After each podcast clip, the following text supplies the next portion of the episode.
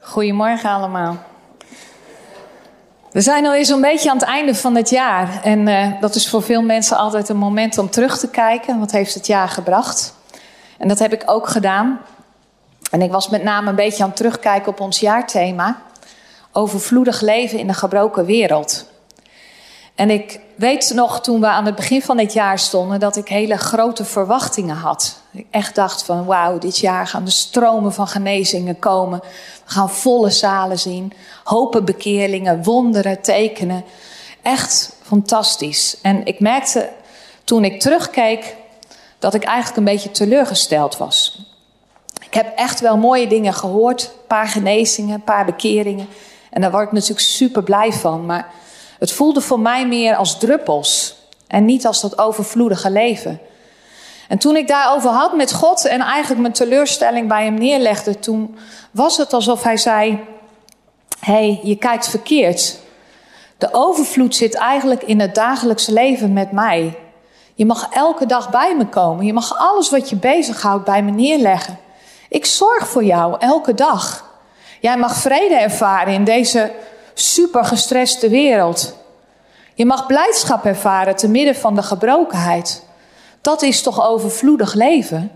En niet die, die meetbare, zichtbare resultaten waar ik in eerste instantie verwacht had en die ik ook gehoopt had.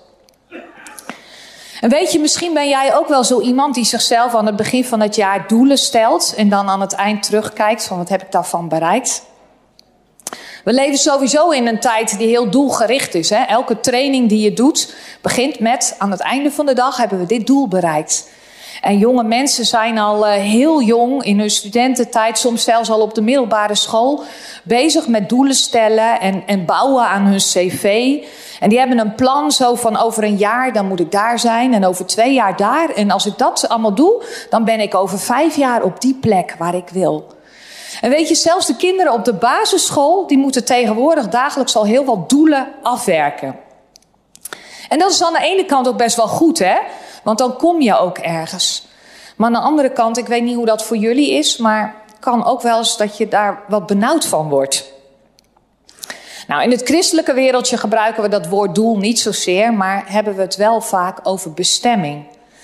En daar wil ik vandaag met jullie over spreken. Wandelen in je bestemming. En misschien denk je wel, oh nee, weer een preek over bestemming. Daar heb ik al zoveel over gehoord. En daar kan eigenlijk hetzelfde voor gelden als wat ik net heb gezegd. Het kan natuurlijk heel goed zijn om je af en toe af te vragen van... hé, hey, wandel ik in de bestemming die God voor mij heeft? Maar het kan je ook wel eens onrustig maken. Alsof wat je nu doet niet goed genoeg is. Alsof je elke keer een volgende stap moet nemen of een volgend doel. Of je continu moet afvragen van, Heer, wandel ik nog wel in uw bestemming? Nou, en dat kan uh, best wel stress geven, althans bij mij. Maar weet je, wij hebben geen God die ons stress wil geven, wij hebben een God die ons vrede wil geven. En um, in Colossensen 3, vers 15 staat een mooie tekst. Laat in uw hart de vrede van Christus heersen. Want daartoe bent u geroepen als de leden van één lichaam. En weet je, ik kan me dus niet voorstellen dat het zoeken naar je bestemming in God iets is wat stress moet veroorzaken. Ik geloof dat wij bestemming heel vaak associëren met iets doen. En ik heb het in de Vandalen opgezocht, daar staat bestemming is het doel van iemands leven. En dan het doel is datgene dat je wilt bereiken. Maar als we in de Bijbel het woord bestemming opzoeken, dan zie je eigenlijk hele andere dingen. Ik ben eens een paar teksten gaan opzoeken en ik heb er een paar voor jullie uh, op een rijtje gezet. In Handelingen 13, vers 48 staat: Wij zijn bestemd voor het eeuwige leven. Romeinen 8, vers 29 en 30 staat: Wij zijn bestemd om het evenbeeld van Jezus te worden en te delen in zijn luister.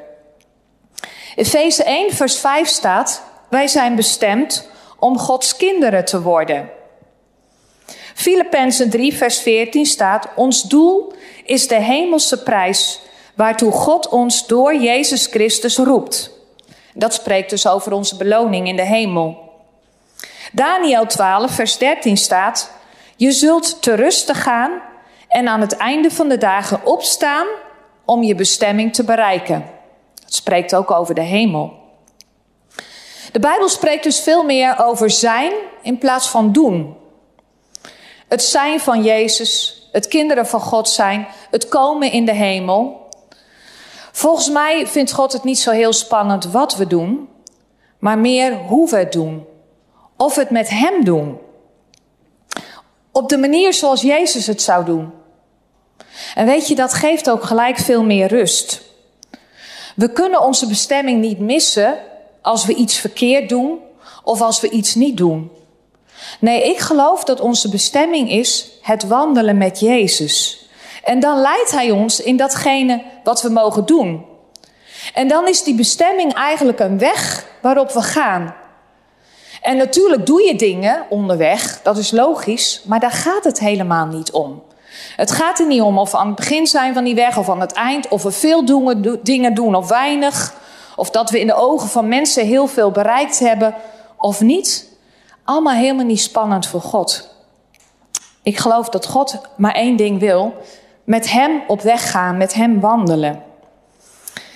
En over dat wandelen met Jezus wil ik vandaag met jullie spreken. En dat doe ik aan de hand van de twee hele bekende personen uit het Oude Testament. En ik begin met David. David was een herder. Nou, dat was in die tijd niet een beroep waar uh, heel veel aanzien aan verbonden was. Maar David, die hoedt zijn schapen en hij doet dat naar zijn beste kunnen. De Bijbel zegt zelfs dat hij zijn leven op het spel zette voor de schapen. Hij vocht tegen leeuwen en beren om de schapen te redden. Nou, ik geloof niet dat Davids vader precies wist hoeveel schapen en geiten hij had. En dat als David aan het eind van de dag terugkwam met de kudde, dat zijn vader ging tellen van, oh, zijn ze er allemaal nog? Maar dat betekent volgens mij ook dat hij geen complimentje kreeg. Als aan het eind van de dag hij misschien zijn leven op het spel had gezet en dat ene schaap dus teruggebracht had. Ik denk niet dat zijn vader het wist. Maar David was trouw in dat hele gewone dagelijkse. Hij deed het zo goed hij kon. En dan op een dag gebeurt er iets bijzonders. De profeet Samuel die komt bij zijn vader. De meesten van ons kennen het verhaal. Samuel heeft opdracht gekregen van God om een koning te salven. En een van de zonen van Isaïe wordt de volgende koning. Dus hij moet al zijn zonen verzamelen. Die komen bij Samuel en één voor één lopen ze langs. En Samuel heeft dit idee van, dit is hem niet. En dan vraagt hij, is er misschien nog iemand? Oh ja, ik heb nog een zoon. Oh, dat geeft al aan de plaats die David had in het gezin. Hij hoorde er blijkbaar niet helemaal bij. Waarschijnlijk was hij een buitenechtelijk kind. En hij wordt nu uiteindelijk alsnog bij de schapen vandaan gehaald. Hij komt bij Samuel. Jullie kennen het verhaal. Hij wordt uiteindelijk gezalfd um, tot koning. Ik zal het even lezen. 1 Samuel 16, vers 13 staat dan. Samuel nam de hoorn met olie en salfde hem, dat is dus David, te midden van zijn broers. Van toen af aan was David doordrongen van de geest van de Heer. Nou, ik kan me voorstellen dat David op dat moment dacht: Wauw, dit is mijn bestemming. Ik word koning. En dat hij vanaf die dag echt op zoek ging van, hé, hey, um, hoe moet het dan? Hoe word ik dan koning? Wanneer gaat dat gebeuren? En, en wat is mijn volgende stap? Welke training moet ik volgen? Wat moet ik nu gaan doen om te regelen dat ik koning word? Maar dat gebeurt allemaal niet. In eerste instantie lijkt het er nog op dat David wel een stapje dichterbij komt, want hij komt bij de koning in het paleis. Hij mag muziek voor de koning maken. Ik kan me voorstellen dat uh, David denkt: oké, ik ben alvast in het paleis. Ik kan misschien een beetje de kunst afkijken van Saul. Ik kan stage lopen bij hem.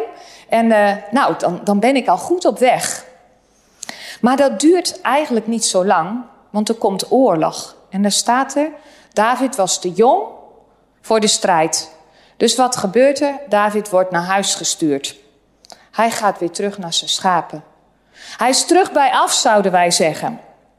En zijn bestemming als koning lijkt heel ver weg. Nou, sommigen van ons hebben ook wel eens dat profetische woord ontvangen, waar iets gezegd wordt over datgene wat we mogen doen. De vraag is, hoe reageren we daar dan op? We kunnen wanhopig op zoek gaan om dat profetische woord maar in vervulling te laten gaan. Maar weet je wat dan vaak gebeurt? Dan laten we onze vrede en vreugde van het dagelijks wandelen met Jezus roven, omdat we denken dat we er nog niet zijn. Of we verwaarlozen onze dagelijkse taken omdat we denken: hé, hey, ik ben geroepen voor iets belangrijkers. Ik mag koning worden. Dus dat dagelijks hoef ik niet meer te doen. We zien dat David helemaal niet doen. De oorlog zou voor hem een kans zijn om zichzelf te bewijzen en te laten zien: wow, ik kan die koning worden. Maar dat doet hij niet. Hij gaat terug naar de schapen. En ik wil met jullie lezen hoe het verder gaat. En dan begin ik in 1 Samuel 17 en dan vanaf vers 17. Ik lees niet helemaal, want het is een heel lang stuk, maar op een dag zei Isaïe tegen zijn zoon David: Hier heb je een zak geroosterd graan en tien broden. Breng die snel naar je broers in het legerkamp. En deze tien kazen moet je aan hun bevelhebber geven. Vraag je broers hoe het met ze gaat en neem een levensteken van hen mee terug. Saul was met de soldaten van Israël, onder wie Davids broers nog steeds gelegerd in de Terebintenvallei tegenover de Filistijnen. De volgende ochtend vroeg ging David met de proviant op weg, zoals Isaïe hem had opgedragen. Zijn kudde liet hij achter onder de hoede van iemand anders. Hij kwam juist bij het wagenkamp aan toen het leger onder het aanheffen van strijdkreten de linies betrok. De Israëlieten en de Filistijnen stelden zich in slagorde tegenover elkaar op. David gaf zijn spullen af aan de fourier en haastte zich naar de gevechtslinie. Daar vond hij zijn broers en hij vroeg hun hoe het met ze ging. Terwijl hij met ze aan het praten was, trad uit de Filistijnse gelederen de kampvechter naar voren, Goliath uit Gat. En David hoorde hem de Israëlieten uitdagen zoals hij dat elke dag deed. Bij het zien van Goliath renden de Israëlieten angstig weg. Zien jullie die man daar, zeiden ze tegen elkaar. Israël vernederen, daar is het hem om te doen. Wie hem verslaat, zal door de koning met rijkdommen worden overladen. Bovendien krijgt hij de koningsdochter tot vrouw en wordt zijn familie vrijgesteld van schatting en herendienst. Het eerste wat me opviel was dat het helemaal niet Davids idee was om naar die strijd te gaan. Hij gaat omdat zijn vader het hem opdraagt. En ehm, hij is gewoon gehoorzaam. Had hij zin om te gaan? De Bijbel zegt er niks over, maar ik vermoed eerlijk gezegd van niet. We hebben al eerder gezien ehm, bij de profeet Samuel dat David er niet eens bijgeroepen werd toen de broers verzamelen moesten. Hij hoorde er niet echt bij. En we zien ook aan de reactie van de broers dat ze niet heel erg blij zijn met David. Want hij komt hun lekker eten en drinken brengen. Dus je zou verwachten, nou, ze zijn dankbaar. Maar wat is de reactie? We lezen dat in vers 28. Als er staat dat David daar is. Toen Davids oudste broer Eliab hem met de soldaten hoorde praten, viel hij woedend uit. Wat doe je hier eigenlijk? Hoor jij niet in de woestijn op je schapen te passen? Echt iets voor jou om met je brutale neus vooraan te willen staan als er gevochten gaat worden. Nou, lekker welkom. Ik denk niet dat David er heel veel zin in had. Maar hij doet het omdat zijn vader het vraagt. En als we ietsje eerder lezen, zien we dat David het al vaker had gedaan. In vers 15 namelijk staat. En hij, en dat gaat over David, ging heen en weer tussen het kamp van Saul en Bethlehem, waar hij de kudde van zijn vader hoedde. Ik had dit zelf nog nooit bewust zo gelezen, maar hij was dus blijkbaar al veel vaker heen en weer gegaan. En voor David wees niks erop dat het nu anders zou gaan als anders. Maar toch, hij gaat. En deze gehoorzaamheid aan zijn vader leidt er uiteindelijk toe dat David een van de belangrijkste dingen van zijn leven gaat doen. Althans in onze ogen, hè? Het verslaan van Goliath. Een verhaal dat wereldwijd bekend is. En wij zouden zeggen dat is hetgene waarvoor hij gemaakt is. Maar ja, David had dat gevecht helemaal niet gepland. En hij had waarschijnlijk ook niet vermoed dat er zoiets op zijn weg was gekomen. Hij ging gewoon en daar kwam iets spectaculairs uit voort. Nou, als David dan hoort hoe Goliath niet alleen het leger van Israël uitdaagt, maar ook zijn God, dan neemt hij een beslissing. Hij zal met Goliath vechten. En koning Saul die hoort ervan en hij roept David bij zich. Nou, ik ga een stukje verder lezen en kijken we hoe dat gaat. Vers 32. David zei tegen Saul: We hoeven om die Filistijn toch niet te moeten verliezen, Heer. Ik zal met hem het gevecht aangaan. Maar je kunt hem toch onmogelijk aan, wierp Saul tegen. Jij bent nog maar een jongen en hij is al van jongs af aan gewend om te vechten. Nou, lekker bemoedigend. Je zou verwachten dat Saul blij was dat er eindelijk iemand met Goliath zou willen vechten. En dat hij hem, ja, zou prijzen. Maar nee, Saul kijkt met natuurlijke ogen. En hij ziet het niet zitten dat David dit gaat doen.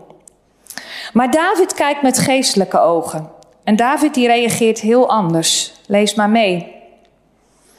Ik heb altijd de kudde van mijn vader gehoed, antwoordt David. Wanneer er een leeuw of een beer kwam om een schaap of een geit uit de kudde te stelen, ging ik er achteraan, overmeesterde hem en redde het dier uit zijn muil. En als hij me wou aanvallen, greep ik hem bij zijn kaken en sloeg ik hem dood. Leeuwen en beren heb ik verslagen, en die onbesneden Filistijn zal het net zo vergaan, omdat hij de gelederen van de levende God heeft beschimpt.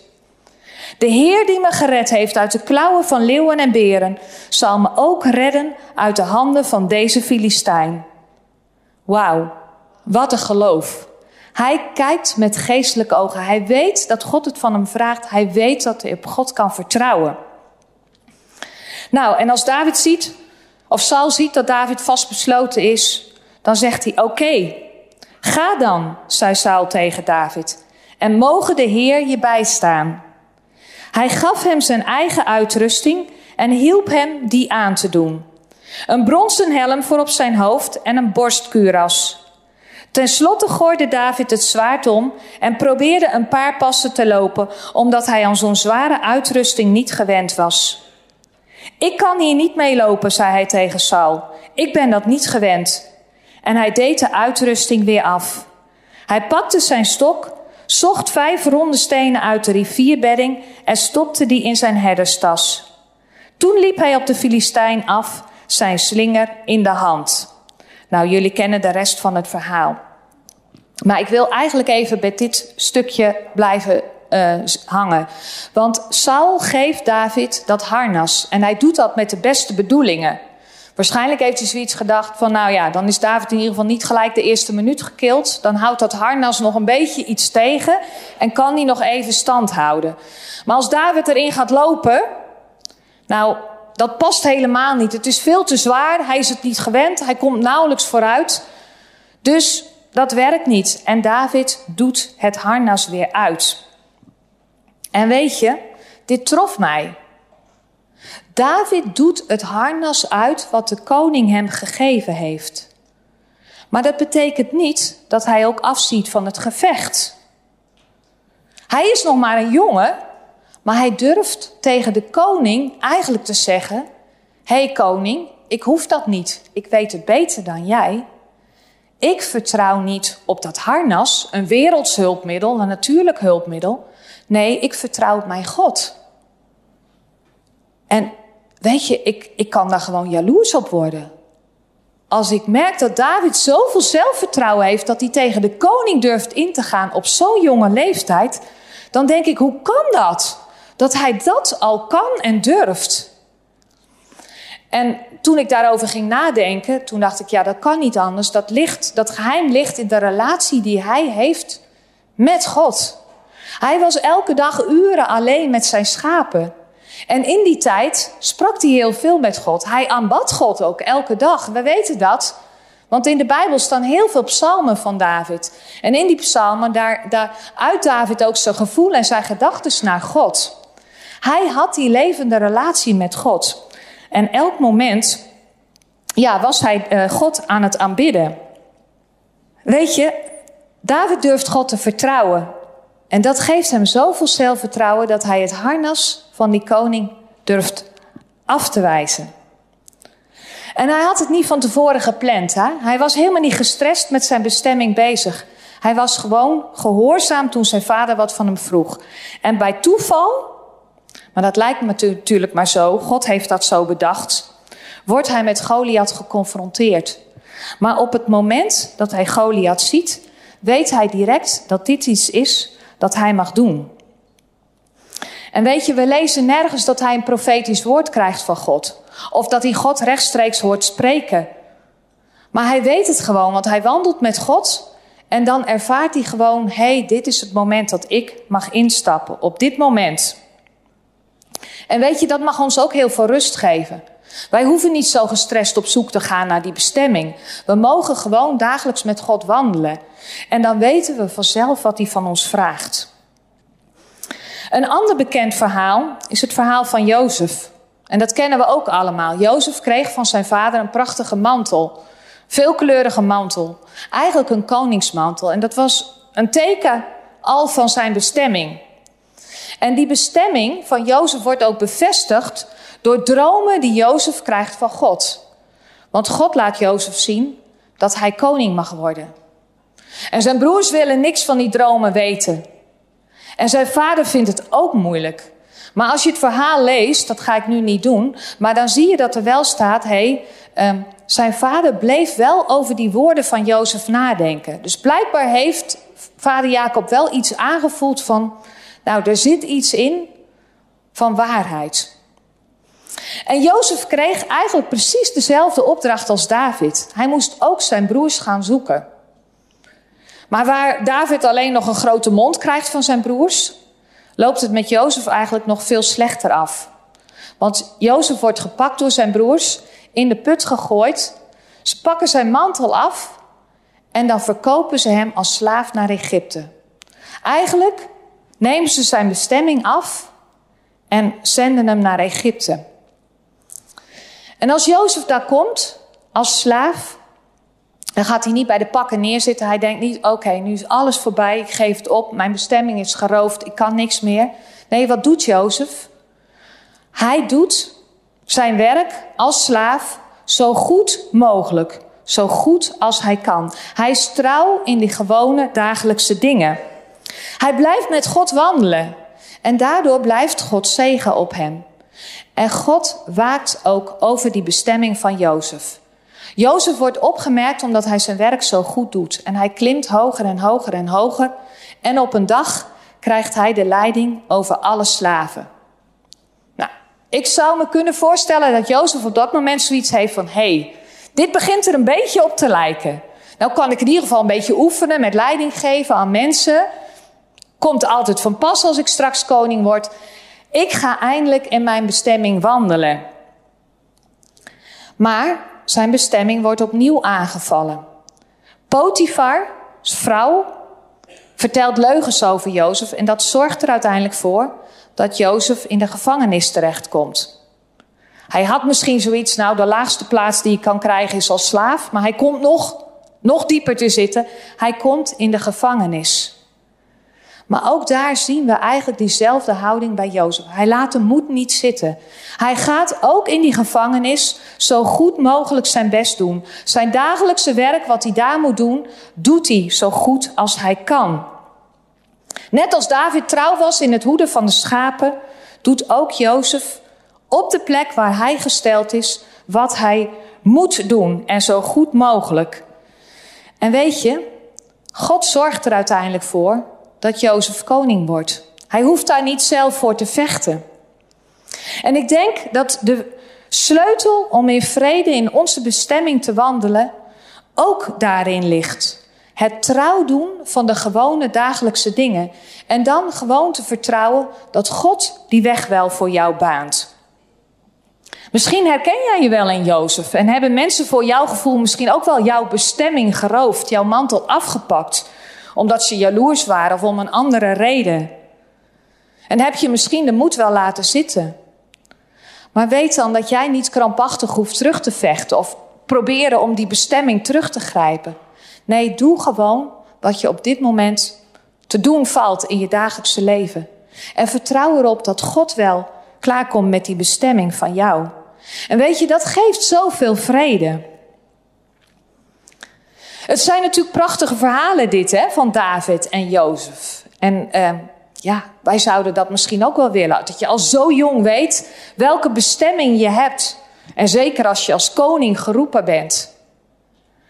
Maar zijn wij dan, net als David en Jozef, ook bereid om trouw te blijven dienen als die weg naar onze bestemming niet een rechtstreekse weg omhoog gaat, maar eigenlijk net als bij deze beide jongens een weg is met heel veel omwegen en ook hele moeilijke omstandigheden? Hebben wij dan diezelfde houding als David, als Jozef? Heel vaak niet, denk ik. Tenminste, ik niet. Weet je, wij beginnen soms ergens aan gewoon omdat we voor iets gevraagd worden. Of misschien hebben we het idee dat God ons voor iets roept. Of gewoon om te dienen hier in de gemeente. Het is goed om te dienen. Ik begin gewoon ergens. En ik begin in het kinderwerk. En ik draai daar. En uh, ja, ik merk dat het toch wel lastig is. Als ik iets zeg, dan luisteren die kinderen niet automatisch naar mij. Of uh, ik schenk koffie. Maar ja, dat gaat allemaal niet zo snel. En een broodjes kroket, ja, ik moet nog wennen, gaat allemaal niet zo snel. En die mensen in de rij gaan mopperen dat ze te lang moeten wachten. Nou, heel vaak, iemand herkent het. heel vaak zeggen wij dan: Oké, nou, ik, uh, ik hou er maar mee op. Dat is blijkbaar niet voor mij.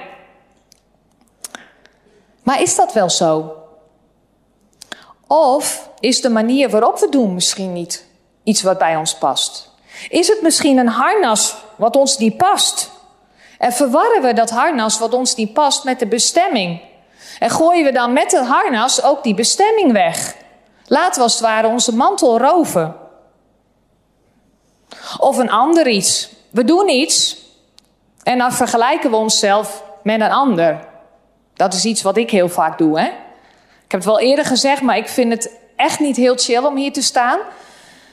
En dat komt eigenlijk omdat ik mezelf vergelijk met de andere sprekers die hier staan. En die kunnen dat veel beter. En dan kan je heel makkelijk geneigd zijn om er maar mee te stoppen. Of om die anderen na te gaan doen. Kan ook, hè? Maar dan stap je eigenlijk in een harnas dat jou niet past. En dan werkt het niet.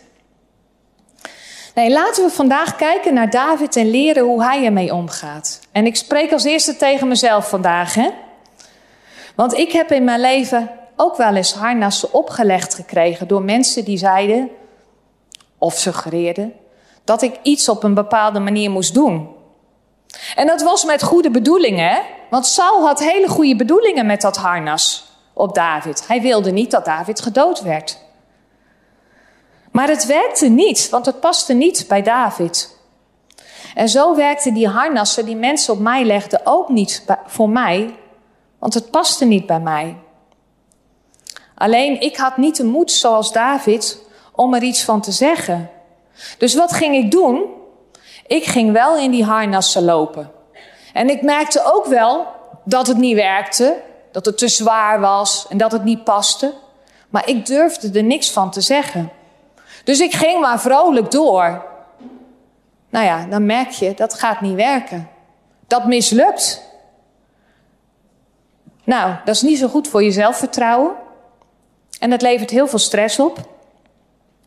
Dat is niet fijn.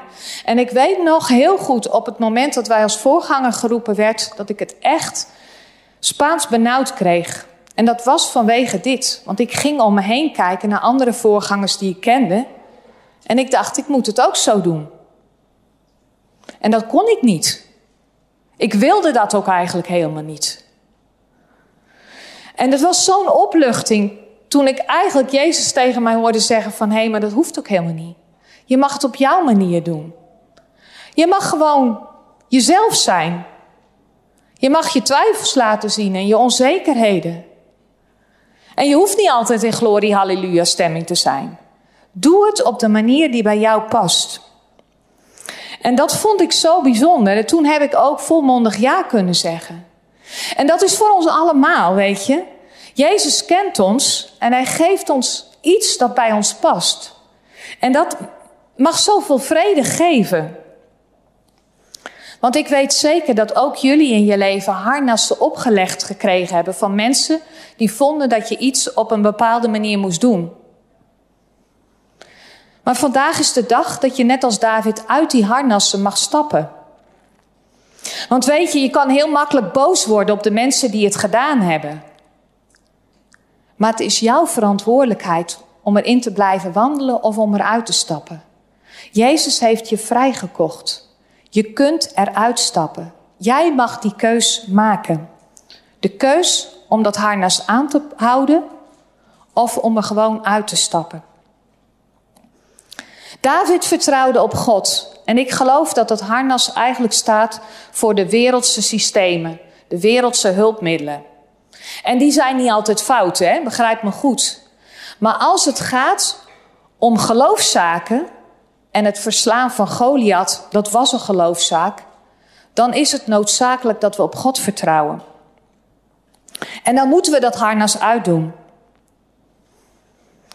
En misschien ben jij ook wel teleurgesteld of beschadigd door mensen die jouw mantel geroofd hebben, net als bij Jozef.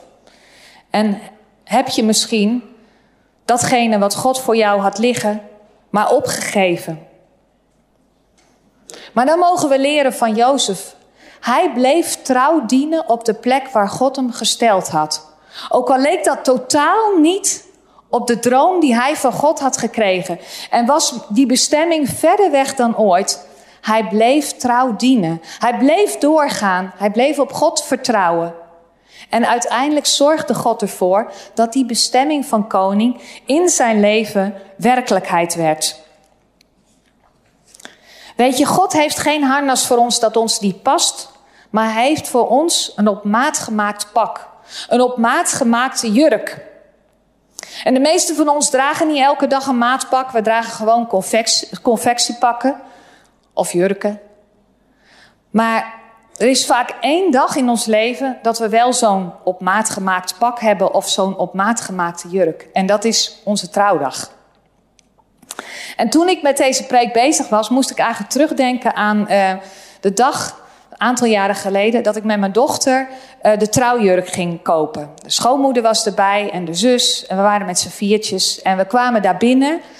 En uh, ja, die mevrouw van de bruidswinkel kwam op ons af, maakte een praatje. Wie ben je? Wanneer gaat het plaatsvinden? Gezellig, gezellig. Koffie, lekkers. En nou, heb je nagedacht over wat je wil? Jazeker. Mijn dochter weet heel goed wat ze wil. Dus die had een heel plaatje in haar hoofd. Kon het helemaal beschrijven hoe die jurk eruit zou moeten zien. En die mevrouw van de bruidswinkel zei: Oké, prima. Ik ga die jurken voor jou uh, klaarzoeken. Ga lekker zitten. En ik kom terug met een aantal jurken. Maar ik heb ook één jurk in gedachten. En volgens mij past die perfect bij jou. Maar die voldoet niet helemaal aan je beschrijving. Mag ik die er toch bij pakken? Nou ja, tuurlijk, prima, doe maar. Dus die mevrouw kwam terug met allemaal jurken. En ik vergeet het nooit meer. Nienke ging als Nienke het pashokje in, gewoon in een spijkerbroekje en een t-shirtje. En ze kwam er als de bruid uit. Het was echt een totale metamorfose. En op het moment dat ze uit dat pashokje kwam en wij elkaar aankeken, toen wist zij, en wij wisten het eigenlijk ook gelijk, dit is de jurk voor haar. Maar niemand zei iets. Want het was niet de jurk die zij zelf bedacht had. De eerste jurk die ze aangetrokken had, was de jurk die die mevrouw had klaar, of die, die mevrouw had uitgekozen. Dus ja, we durfden allemaal niet zo goed te zeggen dat dit toch eigenlijk wel de jurk was. Maar goed, ze ging er weer terug in en ze heeft die andere jurken ook nog wel aangetrokken. Maar ja, we wisten allemaal al, die eerste jurk, dat was de jurk voor Nienke. En um, ja, dat is eigenlijk een beetje zoals ik God ook zie. En dat bedoel ik niet oneerbiedig, maar ik, God is eigenlijk zoals die mevrouw in de bruidswinkel. Hij kent ons, hij weet wat bij ons past en hij kan de perfecte jurk voor ons uitzoeken. En eigenlijk is dat heel relaxed. Wij hoeven niks te doen. Want die mevrouw, die hielp Nienke zelfs met aankleden. En um, ja, zo is dat met God eigenlijk ook, geloof ik. Hij, hij zoekt voor ons de juiste maatpak, de juiste jurk. En hij helpt ons zelfs met die jurk aantrekken. Wij hoeven niet wanhopig in die bruidswinkel op zoek te gaan naar welke jurk past bij ons. En we kunnen dat ook eigenlijk helemaal niet. Want in die bruidswinkel hangen zoveel jurken. En ze hangen ook nog allemaal helemaal ingepropt. Dus je kunt helemaal niet zien hoe die jurken eruit uh, zien. Maar die mevrouw wist welke jurken er hingen. En zo weet God ook welke bestemmingen er allemaal zijn. Er zijn er gewoon veel te veel. Wij zouden voor onszelf nooit de perfecte bestemming kunnen vinden. Maar God wel, want Hij weet wie wij zijn. Hij kent ons, Hij weet onze situatie en Hij weet wat op dat moment het beste bij ons past. En weet je, eigenlijk paste die bruidsjurk van Nienke helemaal nog niet goed. Ja, van de voorkant zat hij geweldig, maar van de achterkant zat hij helemaal vastgespeld, want hij was echt veel te groot. En ik ben altijd geneigd om naar die achterkant van die jurk te kijken en dan te zeggen: ja, dat past toch helemaal niet. Dit, uh, dit is niet voor mij, dit kan ik niet, of dit ben ik niet waard. Maar die achterkant maakt helemaal niet uit, want die jurk werd nog helemaal op maat gemaakt. En Nienke wist dat en die straalde dat uit. Die wist gewoon, dit is de perfecte jurk voor mij. Die keek helemaal niet naar die achterkant. Zij wist dat ze de beste jurk kreeg die maar kon. Maar ze had wel hulp nodig om die jurk te vinden. En soms hebben wij ook hulp nodig van een wijze christen, misschien een goede raad of, uh, of een profetisch woord. Maar het is goed om met zo'n goede raad of met zo'n profetisch woord terug te gaan naar God. Vraag aan de Heilige Geest om dan te bevestigen of het klopt wat je gehoord hebt. Want het moet wel klikken in je eigen hart. Net zoals bij Nink klikte dat dit de jurk was voor haar. Ook al was die heel anders dan ze zelf in gedachten had. Hè? Maar op het moment dat ze het aan had, wist ze: dit is de jurk voor mij. En dat betekent niet dat je altijd blij bent met een goede raad of met een profetisch woord. Want we worden echt wel uitgedaagd om uit onze comfortzone te stappen. Maar altijd wel zo dat het bij je past. Dus niet in een harnas van iemand anders. Nou, is dat dan zo belangrijk, zo'n maatpak? Zo'n zo'n op maat gemaakte jurk? Ben je dan iemand anders? Nee. Maar toch trouwen we niet in onze spijkerbroek. Want als je die speciale kleding aantrekt, dan voel je je ook anders. Je voelt je een bruid en een bruidegom. En dat straal je uit. En de maatkleding die God voor ons geeft, die doet ook iets met ons. En misschien past het nog niet helemaal goed. Moet het daar nog wat wijder en daar wat korter. Maar weet je, dat maakt allemaal niet uit. God is meesterkleermaker. Hij weet wat bij ons past. En zo geloof ik dat het met onze bestemming is. Wij hoeven niet gestrest op zoek te gaan in die bruidszaak met al die honderden jurken die we niet kunnen zien. We mogen God laten kiezen en heel ontspannen ons door Hem laten aankleden. Leef dagelijks met Hem en doe de dingen die op je pad komen. We mogen met Zijn ogen kijken naar ons leven, naar die voorkant van de jurk en niet naar die achterkant met al die spelden. Nee, dat regelt Hij allemaal. Dat wordt helemaal op maat gemaakt. Maar durven wij God zo te vertrouwen dat we uit die harnassen stappen die de wereld ons aanbiedt. En dan dat maatpak of die maatjurk aantrekken die Hij ons aanbiedt. Weet je, laat je vrede niet roven als iets niet gaat zoals je wilt. Maar ga er terug mee naar de Heilige Geest. Vraag Heilige Geest, hoe kijkt u hiernaar in plaats van jezelf te veroordelen? Omarm zijn plan met jouw leven. En gooi dat niet weg omdat bepaalde mensen jouw bestemming geroofd hebben of een harnas op je gelegd hebben, wat niet past. Of doordat je zelf misschien alleen naar die achterkant van die jurk kijkt. Nee, kijk in de spiegel van Jezus.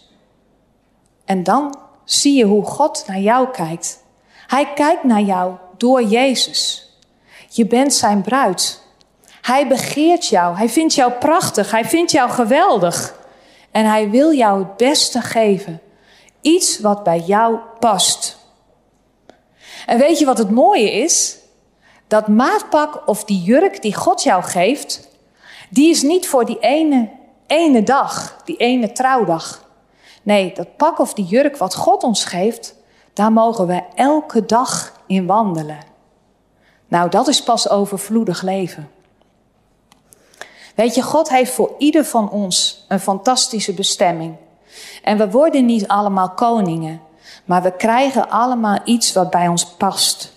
Iets wat echt bij ons past. En het heeft mij zoveel rust gegeven om te weten dat ik niet zelf krampachtig op zoek hoef naar die bestemming. Maar dat ik gewoon God zijn werk mag laten doen. Ik hoef er ook niet zelf voor te vechten. We mogen gewoon vertrouwen dat God ons plaatst op die plek waar we het meeste nodig zijn. En daar mogen we gaan bewegen. We mogen gewoon ons best doen op de plek waar we zijn. En onze relatie met Jezus levend houden. We mogen net als David gewoon ergens brood en wijn brengen. Gewoon een klusje doen voor iemand. Even met een bezoekje afleggen. Of even echt naar iemand luisteren of voor iemand bidden. Gewoon die eenvoudige dagelijkse dingen. En dan ervaren we vanzelf welke kant we op mogen bewegen. En weet je, als we dat doen, dan zullen we op een dag totaal onverwacht onze Goliath ontmoeten. Maar dan zijn we er klaar voor. En dan zullen we hem verslaan, want dat is wat David deed. David versloeg hem met de wapens die God hem gaf. Met de slinger en de stenen. En dat zullen wij ook doen. Met de wapens die God ons geeft, kunnen wij die Goliath verslaan. We zullen als Jozef een koning zijn. En we zullen hongerige mensen te eten geven. We zullen invloed hebben in onze omgeving. Door Jezus te laten zien en door Hem bekend te maken. Laten we danken met elkaar. Vader, dank u wel dat u ons kent en dat u weet wat bij ons past. Dank u wel dat we met u elke dag overvloedig leven mogen ervaren. En dat u een maatpak of een maatjurk voor ons heeft, Heer, die perfect past bij wie wij zijn. Dat we er niet zelf krampachtig naar op zoek hoeven, Heer, maar dat we ons heel eenvoudig, heel relaxed door u mogen laten aankleden. Dat we met u mogen wandelen, Heer, op het pad van onze bestemming. En gewoon de dingen mogen doen die op onze weg komen. Dank u wel dat we diepe vrede mogen ervaren, omdat we mogen weten dat u onze weg leidt. Heer, het gaat erom dat we met u leven. En dan is alles goed. Het maakt niet uit wat we doen, Heer. Als we maar met u doen. Als we maar met u leven, Heer. Help ons om uw stem te verstaan en uw vrede toe te laten in ons hart. Help ons om op u te vertrouwen, Heer, in plaats van op de harnassen die deze wereld ons geeft. En ik wil vandaag ook speciaal bidden voor die mensen die echt dat gevoel hebben dat ze in een harnas zitten, wat iemand anders op ze gelegd heeft. En misschien denk je dat je er niet uit kunt komen. Maar dat denken, dat verbreek ik op dit moment in de naam van Jezus. Je bent vrij om eruit te stappen. Je bent vrijgekocht door de Heer Jezus. Jij kunt uit dat harnas stappen. En ik zegen je op dit moment daarin. Ik zet je vrij in de naam van Jezus. Van elk harnas dat op je gelegd is. Stap eruit. Leef in die vrijheid. En trek dat maatpak aan. Trek die op maat gemaakte jurk aan die Jezus voor je heeft. Die past bij jou. En dan zul je zijn bruid zijn. Dan zul je ervaren dat je begeerd wordt door Hem. Maar stap uit dat harnas op dit moment. Je kunt het. Ik zet je vrij in de naam van Jezus. Stap eruit in Jezus' naam. Amen. En misschien heb je dit laatste gevoeld als dit is voor mij. Dan wil ik je uitnodigen om straks na afloop van de dienst, Als je dat fijn vindt om nog even over door te praten, naar voren te komen, dan zullen hier mensen van het ministry team zijn. Dan kun je even daarover doorpraten en misschien uh, ja, nog even door laten bidden. De laatste oproep die ik vandaag doe, is voor die mensen die nog niet met Jezus wandelen. Want ik heb gezegd, weet je, jouw bestemming is het wandelen met Jezus. Onze bestemming is dat we geroepen zijn als kind van God. En dan maakt het niet uit wat je doet. Maar misschien zit je hier of misschien zit je thuis en zeg je: hé, hey, ik wandel nog helemaal niet met Jezus. Dan wil ik je vandaag oproepen om die keus voor Hem te maken. Weet je, Jezus houdt van je. Hij houdt zoveel van je. Zijn armen zijn wijd uitgestrekt voor jou. Hij is voor jou aan een kruis gestorven. Hij heeft voor jou gedragen de schuld en de schaamte en alle slechte dingen die jij gedaan hebt, zodat jij vergeven kunt worden. En als je dat leven met Jezus instapt, dan mag je ook die diepe vrede ervaren waar ik het vandaag over had. Dan mag je weten dat je in je bestemming wandelt. En dan mag je weten dat jouw aardse dood geen eindpunt is, maar een doorgangspunt naar dat hemelse leven. Maar alsjeblieft, stap in dat leven met Jezus. En als dat voor jou is, als jij hier vandaag zit of als jij thuis bent en jij wandelt nog niet met Jezus, steek dan een moment je hand op. Want weet je, het kan zo afgelopen zijn. Het kan ieder moment afgelopen zijn. Wij hebben dat gisteren meegemaakt. Ieder moment kan het afgelopen zijn. En vandaag is die uitnodiging daar voor jou. Als er hier iemand is, steek je hand op. Dan wil ik je heel graag bij Jezus brengen.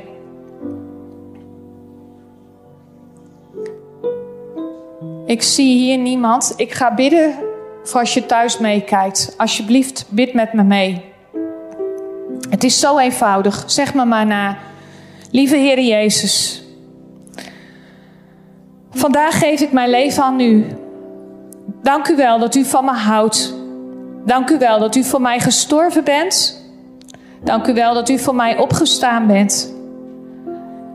En dank u wel dat ik mag weten dat ik vanaf vandaag een kind van u ben. Dat mijn dood niet het einde is, maar een doorgang naar het eeuwige leven. Ik geef mijn leven aan u. Dank u wel, Heer Jezus. Vanaf vandaag ben ik uw kind. En ik zegen je daarin, als je dat gebed meegebeden hebt, zegen ik je daarin dat op dit moment die diepe vrede je zal vervullen. En dat je zal merken dat je leven niet meer hetzelfde is. Nooit meer hetzelfde vanaf vandaag. En dat je een kind van God bent. Dat je bij hem mag komen elke dag.